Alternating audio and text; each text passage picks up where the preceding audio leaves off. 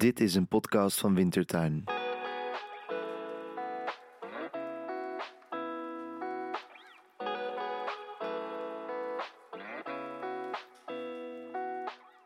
Elk jaar biedt Wintertuin een internationale opkomende schrijver een residentie in Nijmegen.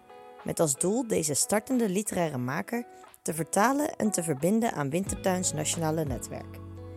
Dit jaar nodigden we, in samenwerking met het Litouws Cultureel Instituut, schrijver Lina Simutite uit. Je gaat nu luisteren naar het gesprek dat wintertuinmaker Ushi Kop met Lina had tijdens het festival Nieuwe Tijd op zaterdag 29 oktober 2022. Daarnaast hoor je voordrachten van Lina in het Litouws en de vertaling door vertaler Anita van der Molen.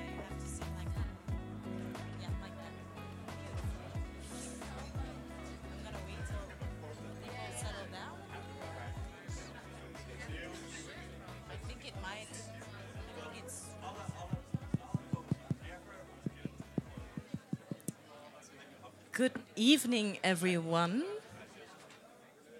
Yeah. Good evening. I think Selm. Can you hear me? Because I hear myself, but okay. Great. Um, I think Selm already introduced us, but I'm going to do it again. I'm Ushi, and I'm very happy and honored that Wintertuin has asked me to interview Lina Simutytė, um, the writer in residence at Wintertuin this month she's only arrived like a few days ago from Lithuania, so I think we should really give her a warm welcome in Nijmegen. So an applause to celebrate her coming here. Thank you. Uh, Lina studied cinema, cinema dra- dramaturgy at the Lithuanian Academy of Music and Theatre, and she began publishing short stories in literary and cultural uh, magazines in 2013. In 2020, uh, she uh, made her debut with a book of short stories. Um, you can see the book here, Miesto Svente, and um, the translation is Town Festival. Um, the book won the Jurga Ivanauskaite Prize for Free, Open, and Bold Creative Expression. And Lina also won the Young Artist Award of the Ministry of Culture of the Republic of Lithuania. So, wow, what a way to enter the literary world, winning prizes. Um, what was that like? How was your debut experience? Uh, at first, I would like to say big thanks. I'm really happy to be here, and it's amazing to know that uh, your book brought you like uh, in different countries even. So yeah, when I remember this debut book, I I remember one thing that I just wanted to publish it finally, when I still want to do it, and I had no expectations. Of course, I I had a dream that like uh, some people would read it, maybe uh, message me or something, uh, but I couldn't uh, dream like about like something like big. For me, it was like just to publish it, just to have it finally and when it started like uh, about like these prizes and everything of course i was very happy. I i felt like uh, really amazing. It was so important to me. But actually all these like uh, nominees prizes and other stuff brings you like mm, anxiety because you are starting to thinking that you Like have pressure, to pressure, yeah, yeah, yeah, yeah, yeah. you have to be like uh, the same. You cannot uh, let yourself like just just to fall asleep or just to enjoy life. You have to make it like every day. You have to write write write. And i'm not that kind of uh, writer. I'm You I- need to live while Yeah, you write. I understand that, yeah.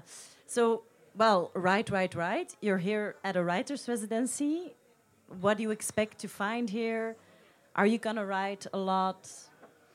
I think that uh, I would love to write a lot, uh, but I also because I'm just uh, arrived and it's like my fourth day. Um I love just to go around to see how it's in there, uh, how different we are, and at, at at the same like similar, uh, and. Uh, that um, I'm I'm going to work on my second book here. Uh, I Yeah, think we will talk about that yeah, some more later. Yeah. Uh, but, but maybe first let's let's go to this book right here, Yeah. your first um, published work. Um, so it's a book of short stories. There are 13 uh, short stories uh, with all their separate narratives, separate perspectives, but it's all um, yeah circled around a common theme. You you told me some things Yeah. already, but maybe you can tell the people yeah, what what it is about. You know, wh- what is the common thread Yeah, the title Town Festival came from most most all of the short stories because in each story it has like something like uh, I don't know like festive uh, or like partying or getting drunk as hell or just uh, celebrating Christmas uh, and having like uh, not very like uh, I don't know how to say funny like evenings with uh, your family when all the things starts. So yeah, I was thinking about the theme, which can like be in many of them, in most of them. So that's why it's the title, the town festival. And also your characters, they have these similarities. And you told me, I thought it was so beautiful. You said your stories are about underground people, young people living small lives, dark lives. So, does that mean anything to you personally? Um, does this relate to who you are as a person? Why does that interest you? Like those small, sometimes rural, sometimes secluded lives? Uh, yeah, because I came from really small town.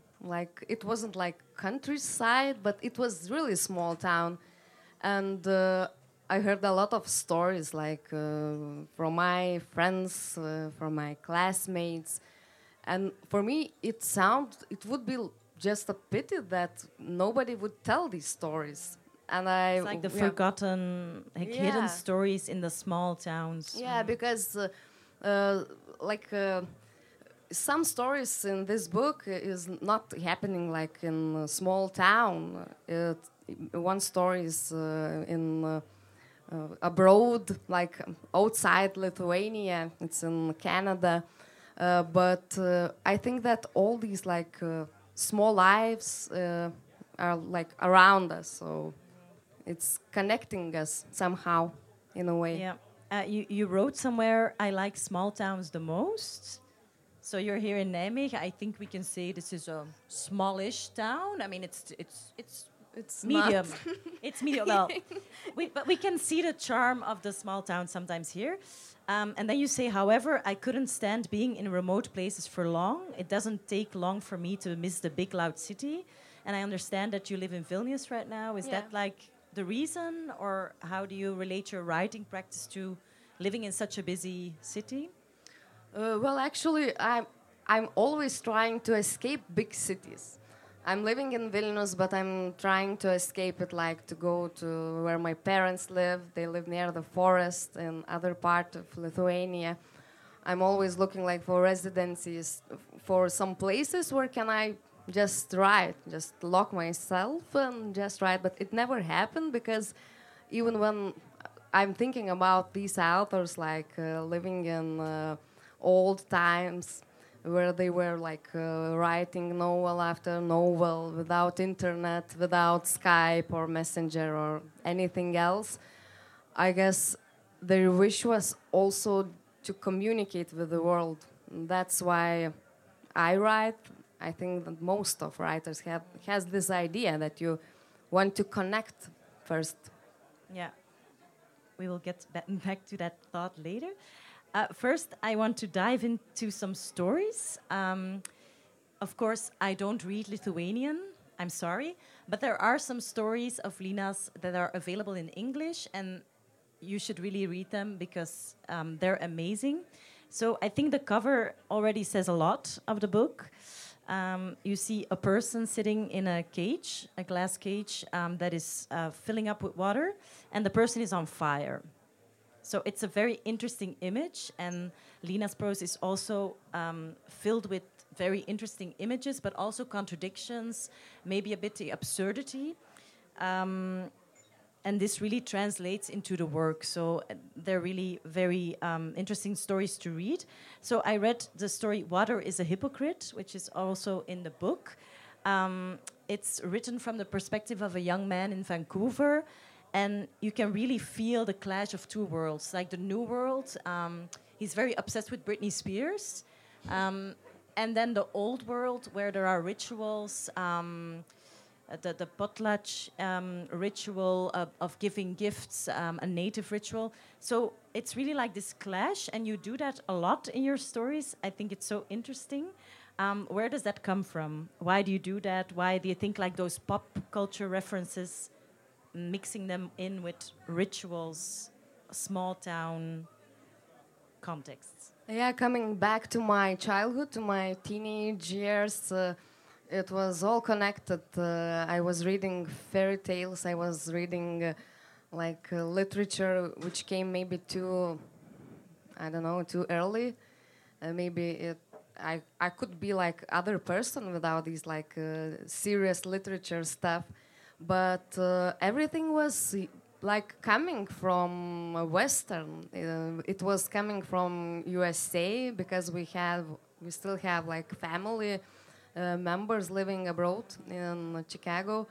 Uh, so they were like bringing some gifts to us to Lithuania where we don't even know. We of course we had the idea what is like uh, MTV and uh, internet and so on. But uh, for example, in my house, internet uh, was like settled down, and when I was 15, so it was quite um, late and uh, these uh, MTV shows and TV stars and uh, pop stars and uh, everything came a bit uh, late. So these like Adidas stuff, something that you can buy now in Lithuania, was for us like wow, it's new.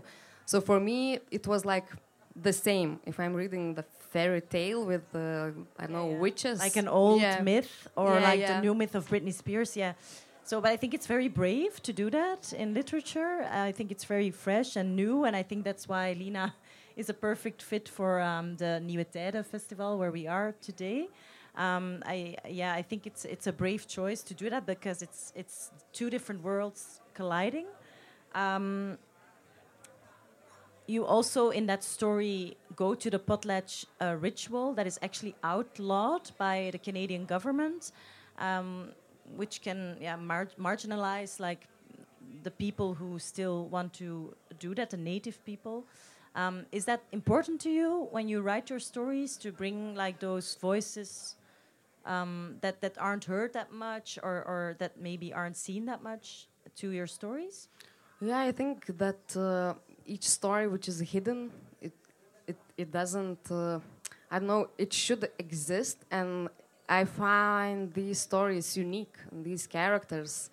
Uh, for me, everything what what is not perfect, what these imperfect imperfections makes uh, I don't know everything authentic. That's why I love uh, digging like old stories, mix them together with something like uh, like uh, the details yeah, yeah you're yeah. very good in the details and the specific and that makes it really Thanks. real you know? Um, so in this story i wanted to read like a passage that really got to me. But water was a hypocrite who hypocrite who pretended to be clear but in fact was always muddled at the bottom. A knife thrown down into it if seen from the bridge would shine like a polished spoon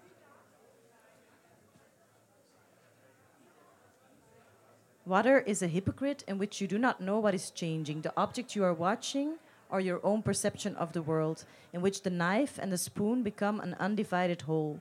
It feeds and cuts one at the same time. So for me, when I read that, I, I got the story a lot better. And for me, the knife and the spoon kind of symbolize society where people sometimes are stuck.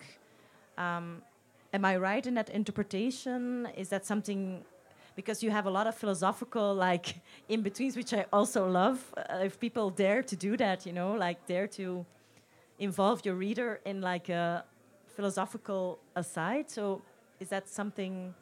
Yeah, I think so. I think that there's no like uh, wrong or right answers, uh, and I love to hear what uh, you have read from that. Uh, but yeah, I think that uh, I love different uh, perspectives. I love like uh, zoom in and zoom out, uh, both in my life, in my personal life, and in writing. So actually, uh, that's one of the main maybe uh, mm, reasons why I, write because I want to show that uh, we don't live in like uh, a world which is like that way or another way.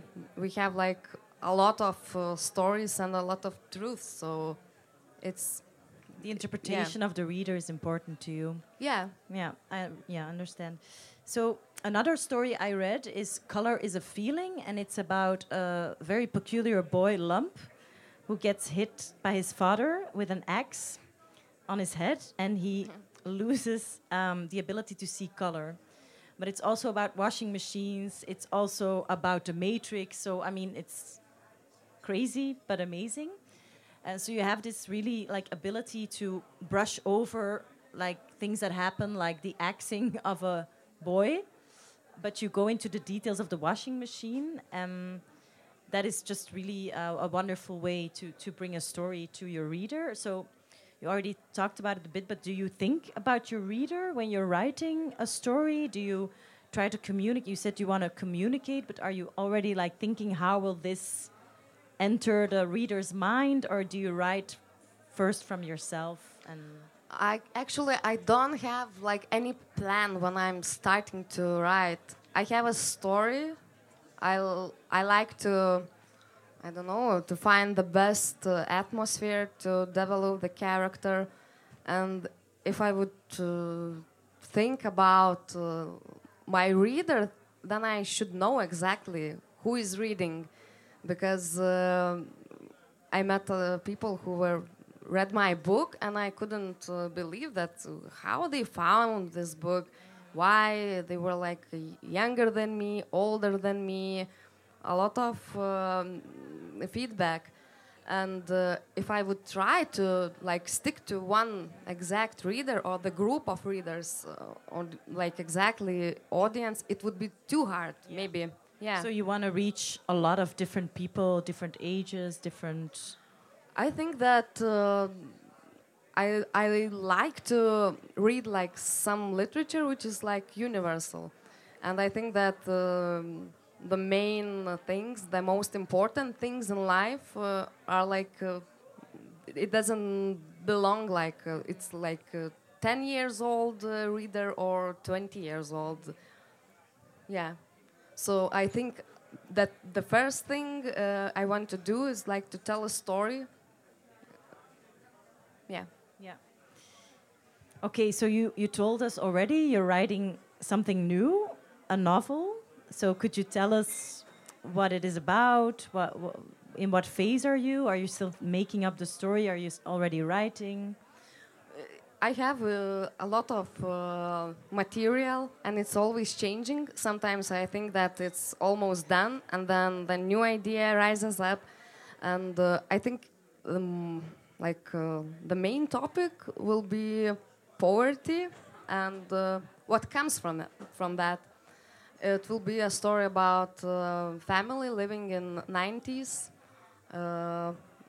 Uh, I won't say like which town because I'm trying to uh, make it universal.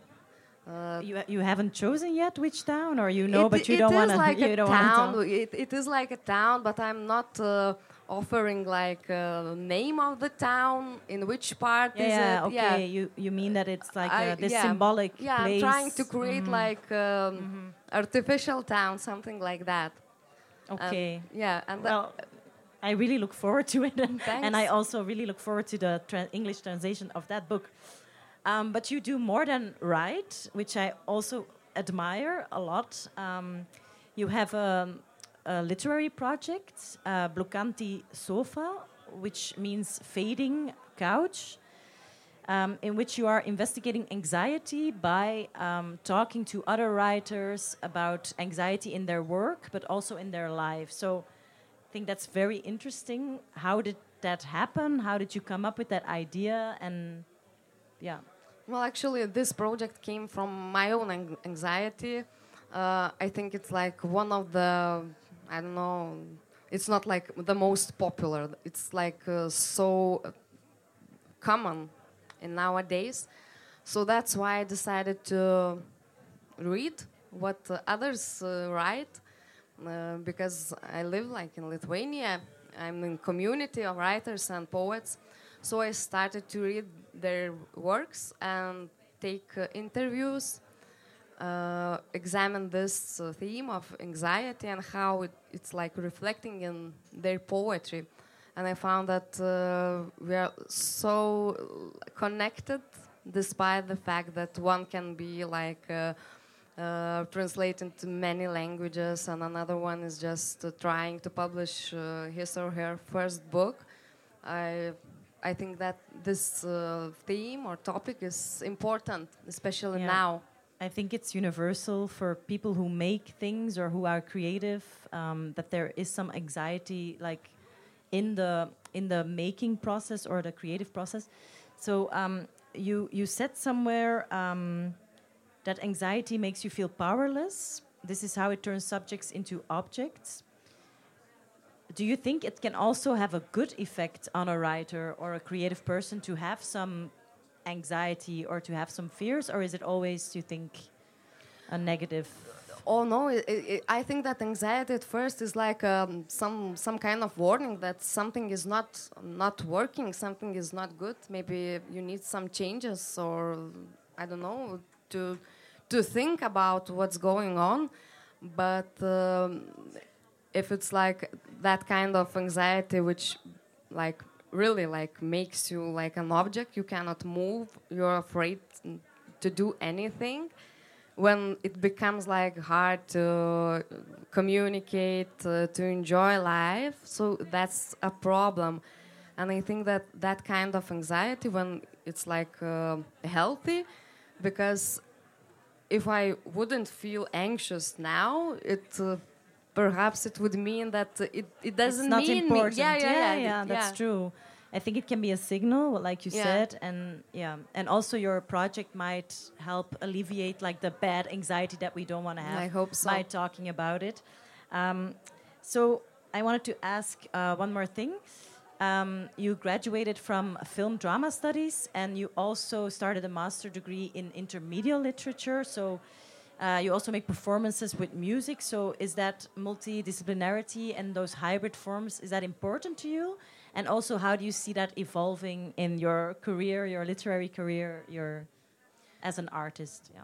Uh, well, uh, at first I, I was always uh, imagining myself as a writer, but uh, uh, we live in such a times. Uh, they are offering like many things, many media forms. So it would be really uh, like uh, sad if I, if I just like say I'm just writing and uh, I don't care about my presentations of books or like events or readings or anything.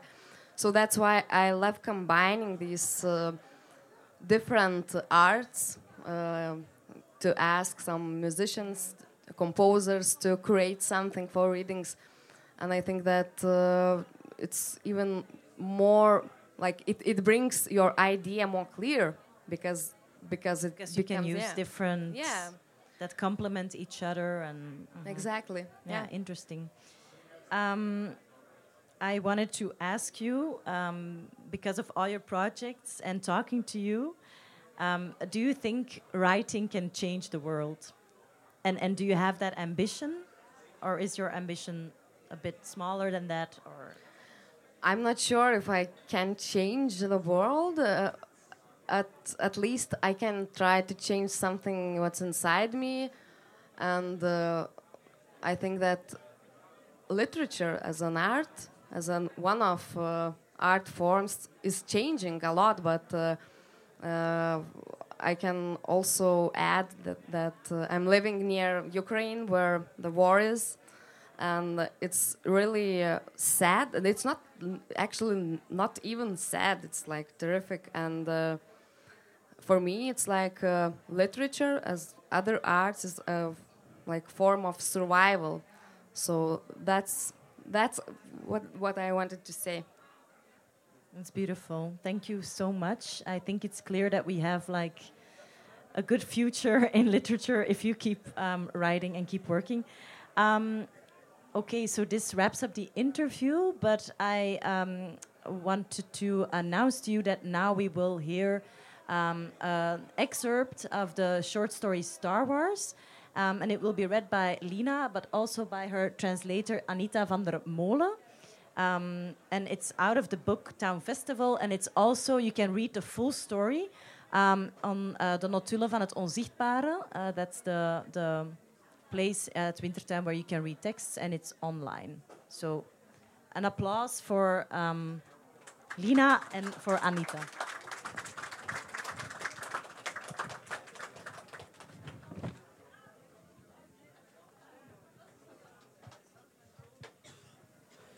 Ooit was ik een ochtendmens. Met een Sony-camera die in- en uitzoomde, ontdekte ik hele, steeds wisselende werelden in mijn kleine provinciestadje.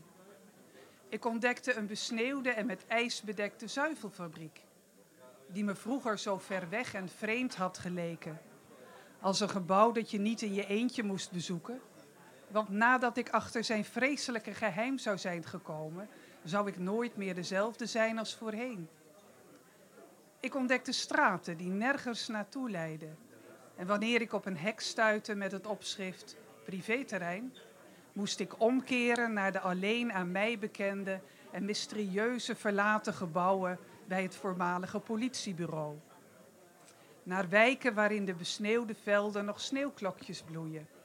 En pas wanneer de sneeuw is gesmolten en alle mogelijke winterfeesten achter de rug zijn, inclusief Valentijnsdag, kun je zien hoe alles uiteindelijk werkelijk is, herdacht, gevierd en overal is neergegooid. Het enige dat overblijft is afval, tassen, kapotte flessen en bekertjes met afdrukken van rode lippenstift. Ooit was ik een ochtendmens en had ik geen wekker nodig om op te staan. Want wanneer ik de irritante melodie van papa's of mama's wekker hoorde, stond ik al op het punt om te vertrekken.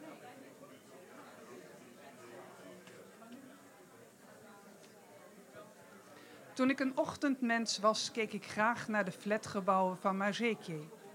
De dichtstbijzijnde, de iets verder weg of helemaal in de verte gelegen complexen.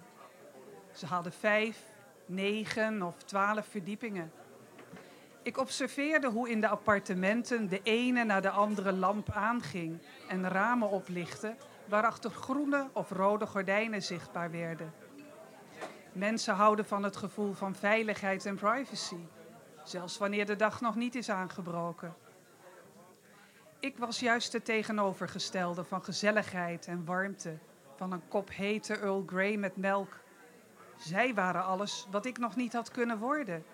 Zachte baguettes met salami, broodjes met poedersuiker, stokbrood met pindakaas. Op die ochtenden kon ik niet eens aan eten denken omdat ik wist dat ik in de lente een uur of twee na de dageraad neergeslagen mijn verouderende digitale Sony zou inschakelen en scherp stellen om Maxima's mosterd, ingelegde gesneden augurken en afgeprijsde bananen te fotograferen. Het ontbijt bestond uit mijn verlangen om met mijn camera op de vijfde verdieping de stoomwolken te vangen die zich uit de ketel een weg naar buiten baanden de kopjes met blauwe oren. En de suikerklontjes die in de thee- of koffiekopjes zonken en oplosten als enorme vermoeide Titanics.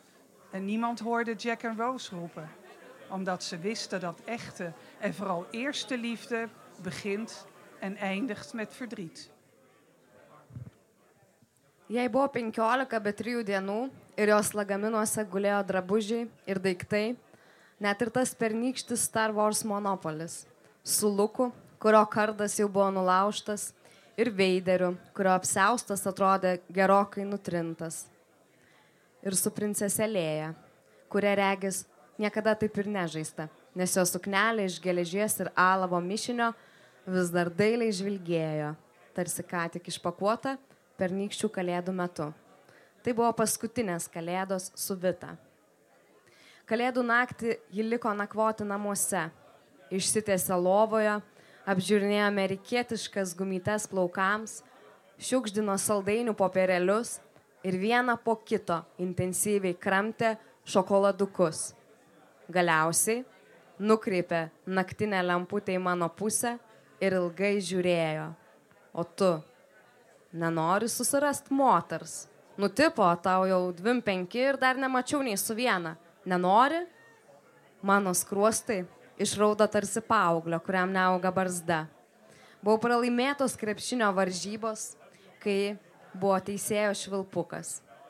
Buvau tarsi apšnerkšta, niekinga palangos pakrantė. O ji buvo švelnus ir pukuotas, skalbinių minkštikliu kvepiantis rankšluostis, į kurį susivinioja žmonės, išlipę iš sterilių baseinų pietų kurortuose. Ik heb het gevoel dat ik geen ochtendmens meer ben. Op 27 december bestel ik een taxi en ga ik naar Jurga in een dorp buiten Mazekje. Het is de eerste keer dat ik me zorgvuldig scheer. De eerste keer in mijn leven. Ik koop nieuw zwart ondergoed en gooi het oude met de zeezwaluwen weg. Aan mijn voeten voel ik het katoen van nieuwe zwarte sokken. Ik trek een schoon shirt aan dat ik voor het laatst op mijn eindexamenfeest heb gedragen. Ik poets mijn schoenen en mijn tanden. Ik poets mijn tanden verschillende keren, maar de ruimtes ertussen blijven donker, hoewel ik nooit met roken ben gestopt of zelfs maar ben begonnen omdat ik niet weet wat ik moet kopen om Jurga niet nerveus te maken, vertrek ik met het meest banale doosje Raffaello. Dat doet denken aan bloed dat in de sneeuw is gevloeid. Jurga lacht en noemt me Romeo. En ik tel de rozen op het behang van haar woonkamer om er geen onzin uit te kramen. En dat is zeker wel sprekender dan duizend woorden. Ik keek naar haar lippen. Het parelmoer was er een beetje af. Ze schonk vermoed in. Die begon meteen te branden in mijn maag. Ik werd dronken. Probeerde op één en hetzelfde moment naar een film met Ryan Gosling te kijken en haar handen te voelen die plastisch mijn benen aanraakten. Ik voelde dat ik haar wilde. Zonder het einde van de film af te wachten, begonnen we te kussen. Ik had mijn ogen dicht en zag alleen de ene na de andere trein in de mist passeren. You keep me under your spell, you keep me under your spell. En een onoverkomelijke golf van angst overspoelde me. Ik wilde uit Jurka's huis verdwijnen, opstaan van de sofa, wachten totdat het licht zou worden en dan wanhopig alles fotograferen. Jurka noemde me Romeo en zag duidelijk dat ik een jongen van 25 was die beefde en er vandoor wilde gaan naar de mist van zijn Mazeke om te verdwijnen in de knipperende neon-etalages van de winkels. Rood en blauw schreeuwden me tegemoet. De film was afgelopen. Thanks, Anita.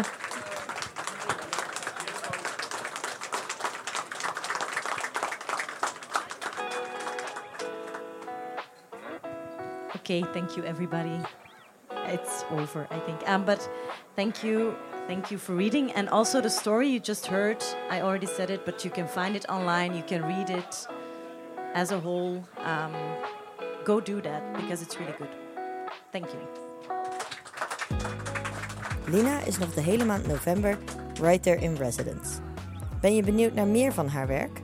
Lees dan verder op notulenvanhetonzichtbare.nl. Daarnaast schrijft Lina aan het einde van de residentie over haar ervaringen in Nijmegen, die vertaald en gepubliceerd worden na haar vertrek. Houd de kanalen van Wintertuin in de gaten voor meer informatie over deze publicatie.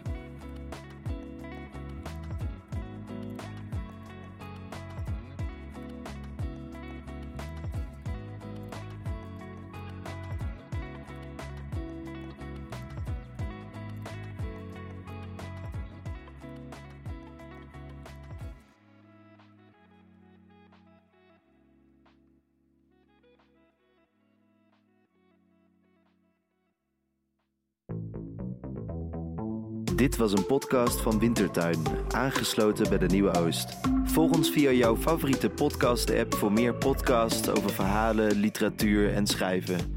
Tot de volgende keer.